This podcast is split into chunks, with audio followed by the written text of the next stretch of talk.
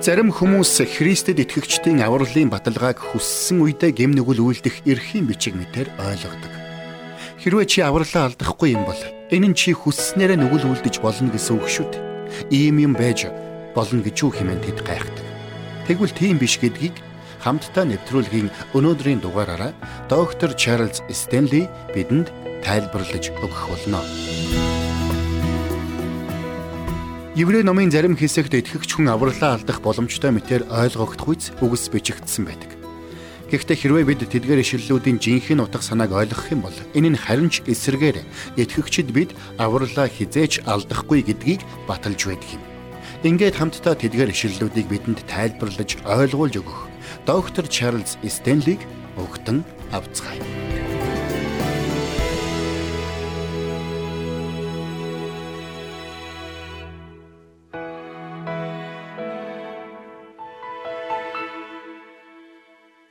Христэд итгэж авралыг авсан атлаа авралдаа бүрэн итгэлтэй байж чаддгүй итгэгчид өнөөдөр цөөнгүй байна.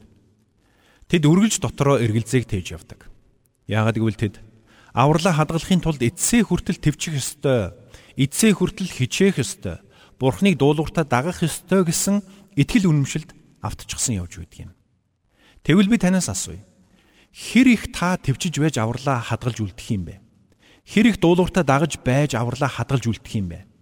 Бид авралаа алдахгүй байхын тулд хэр зөв хүн байх ёстой юм бэ? Үнэн дээр Христэд итгэгчид бид авралаа алдахгүй тулд ямар нэгэн зүйлийг хийх ёстой гэж итгэж амьдрах нь маш тодорхойгүй бүдэг бадаг тэгсэн хэрн маш зовлонтой амьдрал байх болно. Учир нь ингэж итгэж байгаа хүн авралаа алдах хэмжээний сайн хүн байж чадсан эсэхтэй хизээч бүрэн итгэлтэй байж чадах Гэтэл үнэн хэрэгтээ Есүс Христийн загалмайн үхэл болон түүний урсгсан цусаар дамжуулан бидний бүх гэм нүгэл цаадахсан гэдэгт итгэх бидний итгэл дангаараа бидний авралд хангалттай юм. Энэ л бидэнд авралыг өгдөг. Энэ л бидний авралыг баталгаатай болгодог. Түүнээс биш бидний үйлс бидний авралтай ямар ч холбоогүй юм. Харамсалтай. Христэд итгэж хүн авралаа алдах боломжтой гэж итгэдэг хүмүүс Библиэс зарим нэг ишлэлүүдийг гаргаж ирэн өөрийнхөө итгэл үнэмшлийг батлах гэж оролддог. Ингэхдээ тэд ихэвчлэн тухайн ишлийг хам сэдвээс нь салгаж тайлбарладаг юм. Харин энд бид нэг зүйлийг ойлгох хэрэгтэй. Библийг тайлбарлахын тулд ямар ч ишлэлийг хам сэдвээс нь салгаж дангаар нь тайлбарлаж болохгүй гэдгийг бид хатуу санах хэрэгтэй. Тэгвэл өнөөдөр хамтдаа Христэд итгэгчид авралаа алдах боломжтой гэж үздэг итгэгчдийн иш татдаг Библийн зарим хэсгүүдийг үргэлжлүүлэн авч үзье. За ингээд хамтдаа Иохны 15 дугаар бүлэг рүү очие. Энэ бүлэг бол миний хамгийн дуртай бүлгүүдийн нэг.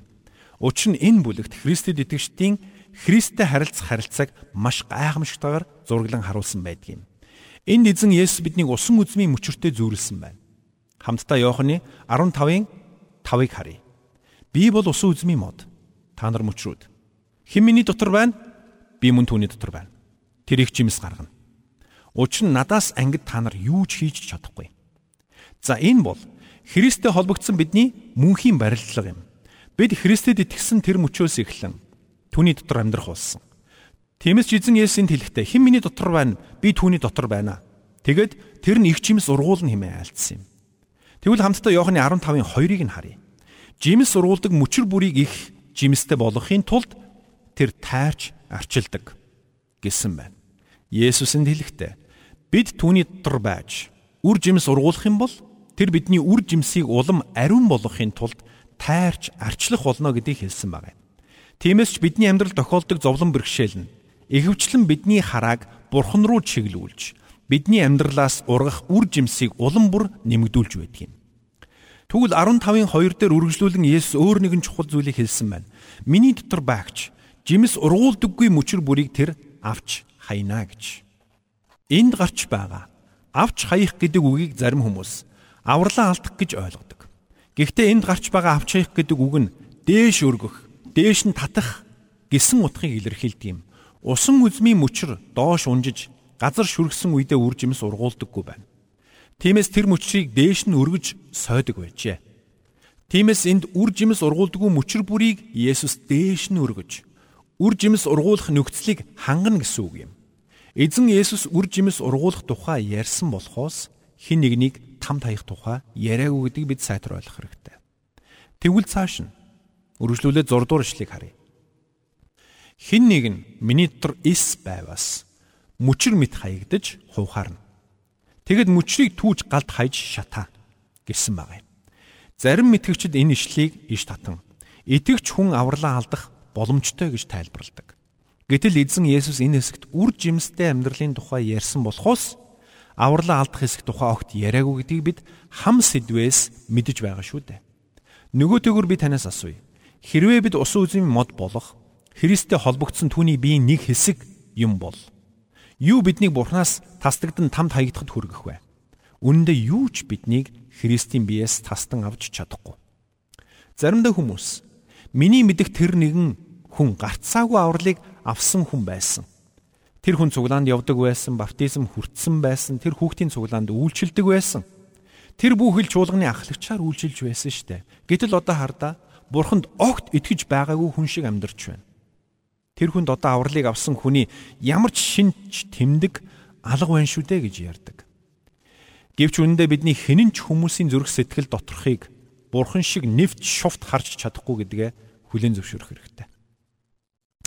Үнэндээ цуглаанд сууж чуулганд үйлчилж гадна бурхны хүүхэд болсон мэт харагдаж байгаа хүмүүсийн дунд Есүс Христэд итгэж Бурхны хүүхэд болоогүй хүмүүс цөөнгүй бий шүү. Бид тэднийг гаднаас нь хараад ялгаж чадахгүй. Тэд гаднаасаа маш сайн сэтгэлтэй хүмүүс шиг харагддаг. Тэд зориулттай өгөөмөр ийдэг байдаг. Гисэн хэдий ч энэ нь тэдэнд авралыг өгөхгүй. Гагцгүй Есүс Христэд итгэх итгэл бидэнд авралыг өгөх хүчтэй юм. Библи биднийг Бурханд үрчлэгдэж Бурхны хүүхдүүд болсон гэдгийг батлан хэлсэн байдаг. Тиймээс бид өмнө харь хүмүүс байсан бол Бурхны гэр бүлийн гишүүд болсон. Тэгвэл Иохны 17 дугаар бүлэгт усан үзмийн модны мөчр болох тухай өгүүлэхдээ биднийг мөн л Христийн салшгүй нэг хэсэг болсон гэдгийг батлан хэлсэн байгаа юм. Тиймээс усан үзмийн мод болох Христтэй холбогдсон биднийг юу ч тасдаж чадахгүй. Харин Иохны 15 дугаар бүлэг дээр хэлэхдээ эзэн Есүс Христэд итгэгч хүн бүр үр жимстэй амьдралаар амьдрах тухай өгүүлсэн болохоос Итгэвч хүн авралаа алдах тухай огтхон ч өгүүлээгүй гэдгийг бид сайтар ойлгох хэрэгтэй. Хэрвээ бид итгэлийн амьдралдаа үр жимс ургуулахгүй бол авралаа алддаг байсан бол яах байсан бэ? Тэгвэл авралаа алдалгүй хадгалж байхын тулд бид хэр их жимс ургуулах ёстой болох вэ? Нэг мөчр дүүрэн усан үзм үү? Таван багц дүүрэн сайн уйс үү? Үнэндээ бидний хинэн ч энэ асуултад хариулт өгч чадахгүй. Хэрвээ бид авралаа алдах боломжтой байсан бол бид авралаа алдахгүй тулд хэрэг зүйлийг хийх ёстой болох юм бэ? Энэ асуултад хинч хариулж чадахгүй, энэ асуултын дагуу хинч үйлдэж чадахгүй. Харин эзэн Есүс хин нэг нь миний дотор эс байвас мөчр мэт хаягдж хувхаарна. Тэдгээр мөчрийг түүж галд хаяж шатаана гэж хэлэхтэй. Итгэвч хүн авралаа алдах тухай биш харин үр жимс ургуулах тухай өгүүлж байгаа гэдгийг бид ойлгох хэрэгтэй. Учир нь цааш нь үргэлжлүүлээд харъя. Иохны 15-ын 8-д хэлэхтэй. Та нар их чимс гаргаж миний шавнар болоход эцэг минь алдаршин гэсэн байна. Мэдээж итгэвч хүм бүрийн амьдралаас ариун сүнсний үр жимс заавал ургах болно. Харин их эсвэл баг ургах нь тусдаа асуудал. Ямар тач эзэн Есүс энд итгэвч хүн авралаа алдах эсэх талаар биш. Харин үр жимстэй амьдралаар амьдрах тухай ярьсан гэдгийг бид ойлгох хэрэгтэй. Зарим тохиолдолд бид Библийн зарим ишлэлийн утга санааг бүрэн дүрэн ойлгохгүй байж болно. Гэхдээ юу гэсэн утгыг нь яг таг мэдэхгүй ч юу гэсэн утгатай бишээ гэдгийг хэлж чаддаг байх нь чухал юм. Тэгвэл энэ хэсэгт идэвч хүн авралаа алдах хэсэг тухай өгүүлээгүй гэдэгт та итгэлтэй байж болно. За мөн үргэлжлүүлээд цаашаа хамтдаа Еврэ ном руу очицгоё. Еврэ номын 2 дугаар бүлгийн 1-ээс 4-ийг харах юм бол Тиймээс бид гулсаад өнгөрчихгүй тулд сонсноо тун анхаарах ёстой. Еврэ номыг бичигч эрхэм энд хэлэхтэй. Бид сонссон зүйлдээ маш анхааралтай хандахгүй бол түүнээс гулсан холдох болно шүү гэдгийг сануулсан байна. Учир нь тухайн үеийн еврей итгэгчдийн дунд юудизм руу эргэж буцах хандлага ажиглагдж байсан. Мөсөгийн хуулийг аав ээж, эмээ өвөө, өвөг дээдс маань дагаж байсан учраас би ч бас дагах ёстой гэсэн хандлага тухайн үед хүчтэй байсан. Тиймээс еврей номыг бичигч эрхэм үүнийг онцгойлон сануулсан байна. Цааш нь үргэлжлүүлээд 2-оос 4 дугаар ишлэгийг харах юм бол учир нь Тэнгэр элч нараар хилүүлсэн үг баттай байсан бөгөөд аливаа тэрсэл ба дуулуургүйдэл нь шудраг хариуга хүртсэн бол бид ийм агуу авралыг үл хайхраад хэрхэн зүхтаах вүлээ. Энэхүү авралыг эхлээд эзэн айлтсан бөгөөд сонссон бидэнд баталсан юм.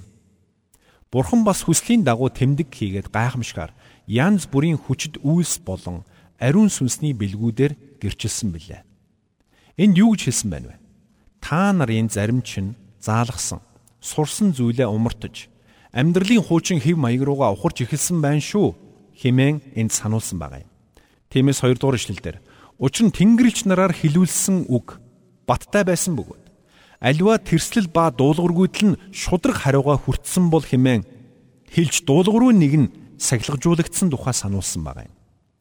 Тэгээд үргэлжлүүлээд 3 дугаар ишлэлдэр бид ийм агуу авралыг үл хайхраад хэрхэн зүгтах вүлээ дээ. Энэхүү авралыг эхлээд эзэн айлтсан бөгөөд сонсон бидэнд баталсан юм химэн сануулсан байгаа юм. Өөрөөр хэлбэл та нар үүнийг бурхнаас сонссон бас сонссон хүмүүс ч үүнийг батлан хэлсэн юм.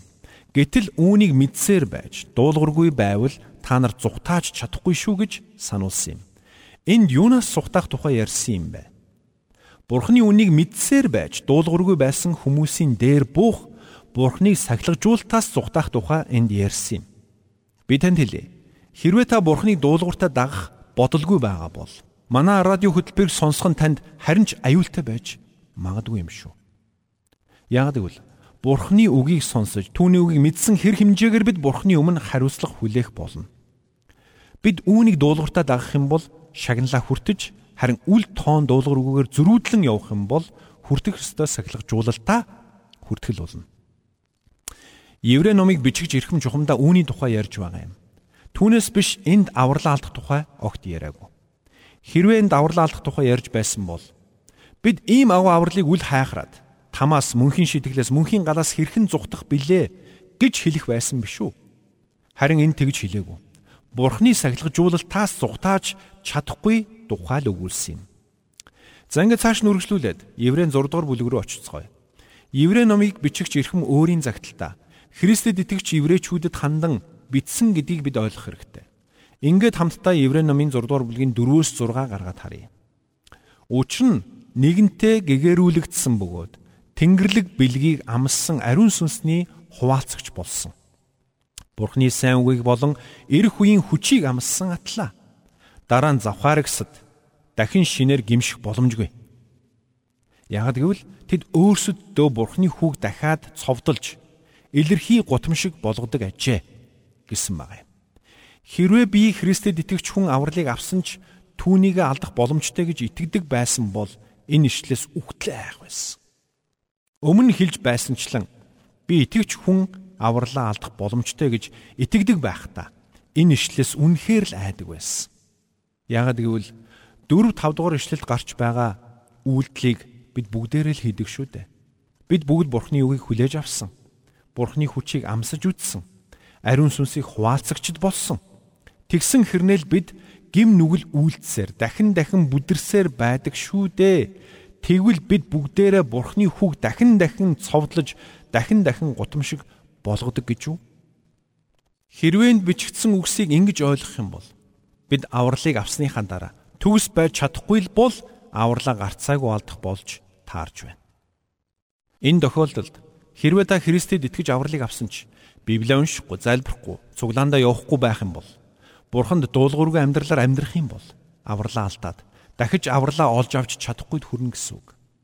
Гэхдээ тийм биш гэдгийг би хэлмээр байна. Учир нь Библи ингэж заадаггүй. Хэрвээ ингэж заадаг байсан бол үнэндээ авралаа авч үлдэж чадах нэг ч хүн байхгүй байх байсан. Яагад гэвэл 6 дугаар эшлэлт хэлэхдээ дараа нь завхааргсад дахин шинээр гимших боломжгүй. Яагад гэвэл тэд өөрсөддөө Бурхны хүүг дахиад цовдлож илэрхий гудамшиг болгодог ажээ гэж хэлсэн байна. Хэрвээ нийшлэг аврал алдах тухай гэж ойлговол итгэвч хүн аврал авсныхаа дараа төгс байх ёстой. Эс тэгвээс тэр хүн авралаа алдаж авралаа алдвал дахин олж авах боломжгүй болно гэж ойлгохоор байна шүү дээ. Зарим хүмүүс гим нүгэл дотроо удаан амьдрал авралаа алднаа гэж ярьдаг. Тэгвэл би асууя. Гим нүгэл дотроо хэр удаан амьдрал итгэвч хүн авралаа алдах вэ? Нэг цаг уу, нэг 7 хоног уу, нэг жил үү? Энэ асуултад хэн ч хариулж чадахгүй. Зарим хүмүүс маш тодорхой нүгэл үйлдвэл авралаа алднаа гэж ярьдаг. Тэгвэл хэр ноцтой нүглийг хэр удаан үйлдвэл итгэвч хүн авралаа алдах вэ? Хин ч энэ асуултад хариулж чадахгүй. Яагаад гэвэл Библийн хаач үнийг хэлж өгөөгүй. Учир нь Библиэд угаасаа ингэж заадаггүй. Тимээс Христэд итгэвч бид шагналаа алдах боломжтой болохоос харин авралаа алдах боломжгүй гэдгийг бид ойлгох ёстой. За тэгвэл Еврей номын 10:23 хэлэхдээ найдвараа хүлээн зөвшөөрснөө гуйлгүй бат баримталцгаая. Учир нь амлагч нь итгэмжтэй билээ гэсэн байдаг. Үнэхээр бурхан бол итгэмжт нэгэн. Тэр амласнаа биелүүлдэг. Тэр итгэмжгүй байсан бол тэр итгэмжт байдаг гэж энд хэлэхгүй. Хамтдаа цааш нь 10 дугаар бүлгийн 24-өөс 27 дугаар ишлэгийг харъя. Еврей хайр болон сайн үлсийг бадраахын төлөө нэг нэгнээ анхаарч хамтран цуглахыг умартан зуршил болгосон зарим хүмүүсийг үл дагаж харин нөгөө өдөр ойртож буйг харах тусмаа бид бие биенээ улам илүү зоригжуулъя. Учир нь бид үнний мэдлэгийг хүлээн авсныхаа дараа зоргоор нүгэл үйлдсээр байвал нүглийн төлөөх тахил цаашид үлдэхгүй. Харин шүүлт хийгээд эсэргүүцэгчдийг шатаах галын хилэнг айн чичирч хүлээх л үлдэнэ гэсэн баг. За тэгвэл энд гарч байгаа бид үнний мэдлэгийг хүлээн авсныхаа дараа зоргоороо нүгэл үйлдсээр байвал нүглийн төлөөх тахил цаашид үйлдэхгүй гэсэн үгийг зарим хүмүүс итгэвч хүмүүс авралаалдах боломжтой байна гэсэн утгаар тайлбарладаг. Гэхдээ тэд итгэвч хүн мэдсээр байж зориудаар гим нүгэл үйлдсээр байвал авралаа алднаа гэж ярьдаг. Тэгвэл хамтдаа Еврей номынхаа 10 дугаар бүлгийн 10-аас 18-ыг нь харъя. Энэхүү хүслээр бид Есүс Христийн бүгдийн төлөө нэг мүсэн бие өргөсөн өргөлөөр ариусгагдсан юм. 12 дээр нь харин тэр нүглийн төлөөх ганц дахил үүр дүргүүд Бурхны баруун гарт заларсан ба 14 дээр нь учир нь тэр ариун болгогдсдгийг ганц тахилаар үрд төгс болгожээ. Амун эцэст нь 18 дугаар эшлэлдэр тэдгэрийн уучлал хаа байна. Тэнд цаашид нүглийн төлөөх тахил үгүй болдгийм а гэсэн байна. За тэгвэл Еврей номыг бичигч ирхэм энд өгүүлэхтэй. Есүс Христ загалмай дээр амиа өгөхдөө бүх хүн төрлөختний гим нүглийн золилтыг бүр мөсөн хийсэн гэдгийг онцолсон байна. Тиймээс ч 1-р Иохны 2-1-ээс 2-т Илч Иохан хэлэхдээ бяцхан хүүхдүүд минь та нарыг нүгэл бүү үлдээсэ хэмээн би эдгэрийг та нарт бичиж байна. Хэн нэгэн нүгэл үлдвэс эцгийн өмнө бид өмгөөлөгчтэй агаад тэр бол зөвхт Есүс Христ мөн Тэр өөрөө бидний нүглийн төлөөх эвлэрүүлэл бөгөөд зөвхөн бидний нүглийн учир төдийгүй хамаг ертөнцийн нүглийн учир билээ гэсэн байдаг. Илч Йоханч бас Есүс Христийн тахил бүх ертөнцийн төлөөх цорын ганц төгс тахил байсан бөгөөд цаашид өөр тахил шаардлагагүй гэдгийг онцолсон байна. Өөрөөр хэлбэл Есүс Христ бидний гэм нүглийн төлөөсийг бүр мөсөн төлсөн. Гүцээ. Цаашид бидэнд өөр ямар нэгэн тахил шаардлагагүй. Тэгвэл энэ чухал үннийг дотроо санангаа Еврей номын 10 дугаар бүлгийн 27-оос 31-ийг уншийе. Харин шүүлт хийгээд эсэргүүцэгчдийг шатаах галын хилэнг айн чичирж хүлээх л үлдэнэ. Мөсөгийн хуулийг үл хэрэгсэгч нь хоёр буюу гурван гэрчтэйгээр өршөөлгүй үхдэг. Тэгвэл бурхны хүүг уландаа гიშгэж өөрийг нь ариусгасан гэрэний цусыг бузар химэн тооцож нэгүслийн сүнсийг доромжлогч нь хэр зэрэг илүү хүнд шийтгэл эдэлбэл зохино гэж та нар бодож байна вэ? Учир нь өшөө авалт нь минийх. Хариуг нь би өгнө гэдэг. Дахиж эзэн өөрийн хүмүүсийг шүүн гэж айлтсан түүнийг бид мэднэ. Амьд бурхны гарт орох нь аимшигтай хэрэг. гэж хэлсэн байгаа юм. За тэгвэл мөн хамтдаа Еврей номын 12 дугаар бүлэг рүү очиод Еврей номоос бидний үнсэн энэ бүх хэсгүүд бүгдээрээ итгэвч хүн авралаа алдах тухай биш харин итгэвч хүний аврал баталгаатай болохыг сануулж байгаа ишлүүд байгаа юм. Гэхдээ үүний зэрэгцээ итгэлийн замаа орхиж хуучин амьдралынхаа хэм маяг руу буцаж болохгүй гэдгийг маш хатуу сануулсан байгааг бид анзааралгүй мөн өнгөрч болохгүй юм. Тиймээс Еврей номын 12-ын 5-аас 6 дээр энэ хүүгүүлсэн байна. Та нар хөвгүүч шиг хандсан тэрхүү синхруулгийг та нар мартжээ энхүү сахилгажууллыг бүү хөнгөн үзхүү минь. Тэр чамайг зэмлэх үед сэтгэлээр буун. Учир нь хайрладаг хүнээ эзэн сахилгажуулдаг, хүлээн авдаг хүү болгоно тэр ташуурддаг юм а гэсэн юм. Эндээс үзүүл итгэвч бид нар угаасаа авралаа алдахгүй юм чинь яаж ч амьдрсан яах вүлээ дээ гэж бодож болохгүй гэдгийг илэрхийлсэн байна. Бурхан бидэнд хайртай учраас биднийг буруу замаар будаа тээж эхлэх үед сахилгажуулан савааддаг. Биднийг зориудаар Бурханаас зөрүүдлэн зөрөх үед Бурхан бидний дал мөрийг алгадаж "За яах вэ? Би чамайг ойлгодог юм аа" гэж хэлдэггүй байх нь. Харин тэр бидэнд хайртай учраас савааддаг гэсэн. Бид Бурханы энэхүү сахилгажуултыг хөнгөн үзэж болохгүй гэдгийг ч энд сануулсан байна. Еврей номонд бичигдсэн тэр бүх сэрэмжлүүлэг анхааруулгуудыг үзвэл та нарын агуу тэрүүн тахилж Есүс Христ загалмай дээр та нарын төлөө бүх төлөөсийг төлсөн. Тиймээс хуучин амьдралынхаа хэм маяг руу бүү буц. Эс тэгвээс та нар төлөөсийг нь төлөх ёстой болно. Та нар бурхан эцгийнхээ хатуу сахилгажуулалтыг амсахуулна. Та нарын гим нүглийн төлөөх тахилыг Есүс Христ нэгэнт төлсөн учраас өөр тахил та нарт өгөгдөхгүй. Та нар Бурхны үннийг мэдсээр байж Бурхны эсрэг гим нүгэл үйлдэн амьдарч байгаа бол Бурхны хатуу ширүүн сахилгажуултыг амсахаас өөр сонголт та нарт үлдэхгүй хэмээн анхааруулan хэлээд байгаа юм. Тэгэхэр найз минь хэрв чи авралаа алдахгүй юм чин гэд гим нүглээ хүснээрээ үлдэж болно гэж бодож байгаа бол маш том эндүрч явна гэсэн үг юм. Учир нь та авралаа алдахгүй байж болох ч шагналаа алдах болно. Түүгээр зогсохгүй Бурхны хатуу сахилгажуултаас ч хаашаач зайлж чадахгүй. Галаат номын 6 дугаар бүлгийн 7-оос 8 хэлэхтэй. Бүүм эхлэгд. Бурхан илэг дог болохгүй. Юу гэвэл хүн юу тарснаа л хурааж авдаг юм. Учир нь мах өддөө таригч нь мах өдөөсөө ялзарлыг хурааж авна. Харин сүнсэн таригч нь сүнснээс мөн хамийг хурааж авна гэсэн байдаг. Үнэхээр бид Христээр дамжуулан авралыг хүлээн авсан ч мэдсээр байж Бурхны эсрэг зөрүүлсээр байх юм бол түүнийхээ үр жимсийг гарцаагүй хурах болно. Бурхны хатуу ширүүн сахилгажуултыг гарцаагүй амсах болно. Учир нь Бурхан хайртай хүүхдүүдэд сахилгажуулдаг. Тиймээс Христэд итгэгчид бид авралаа алдахгүй гэдэг нь бид юу хүснээ үйлдэн Бурханаас тэрслэн амьдрах эрхийн бичиг гэж ойлгуул маш том эндүрэл болно. Харин эсвэргээрээ нь Бурхан эзэндээ бүх зүрхээрээ үйлчлэн амьдрахдаа Бурхан эзнийхээ өршөөл нэгүслийг мэдрэн амьдрах гайхамшигтай эрх чөлөө гэдгийг бид бүрэн дүүрэн ойлгох учиртай юм шүү. Доктор Стенлийн яриаг сонсоод Христэд итгэгчид бид авралаа хизээч алдахгүй байна гэдгийг ойлгосон гэдэгт тань би бүрэн итгэлтэй байна. Бас авралаа хизээч алдахгүй гэдгийг ухаарах ухаарлаас ирэх эрх чөлөө амар тайван нь таныг бурханд илүү ирч хүчтэй урам зоригтойгоор үйлчлэх шалтгаан болно гэдэгт ч би итгэлтэй байна. Бурхан бидэнд хайртай учраас биднийг авралдаа багтааж, биднийг мөнхийн улсынхаа иргэд болгосон. Гэхдээ тэглээгээд бид гим нүгэл үйлдээд үр дагаврыг нь амсахгүй гэсэн үг биш ээ. Тиймээс чи Еврей 12-ийн 5-аас 8-д хэлэхдээ та нарт хөвгүүд шигэ хандсан тэрхүү синхрүүллийг та нар мартжээ. Эзний сахилгажууллыг бүү хөнгөн үз. Хөөмэн. Тэр чамайг зэмлэх үед сэтгэлээр бүү өнө. Учир нь хайрладаг хүнээ эзэн сахилгажуулдаг. Хүлээн авдаг хүү болгоно. Тэр ташуурддаг гэжээ. Та нарын төвчдөгч нь сахилга баттай болохын төлөө юм. Бурхан хөвгүүдтэйгээ шигээ та нартай харьцдаг. Учир нь эцэг нь сахилгажуулдаггүй хүү хаана вэ? Бүгдээрээ хүртсэн сахилга бат та нарт үгүй бол та нар хөвгүүд нь бус бутаж аж химэн анхааруулсан байдаг юм шүү.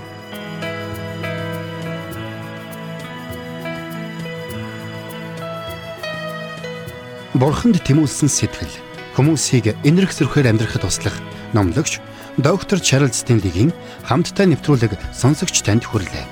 Нэвтрүүлгийг дахин сонсохыг хүсвэл ихтгэл радиоцик.com-оор зочлоорой. Бидэнтэй холбогдохыг хүсвэл 8085 99 тэгтэг дугаард хандаарай.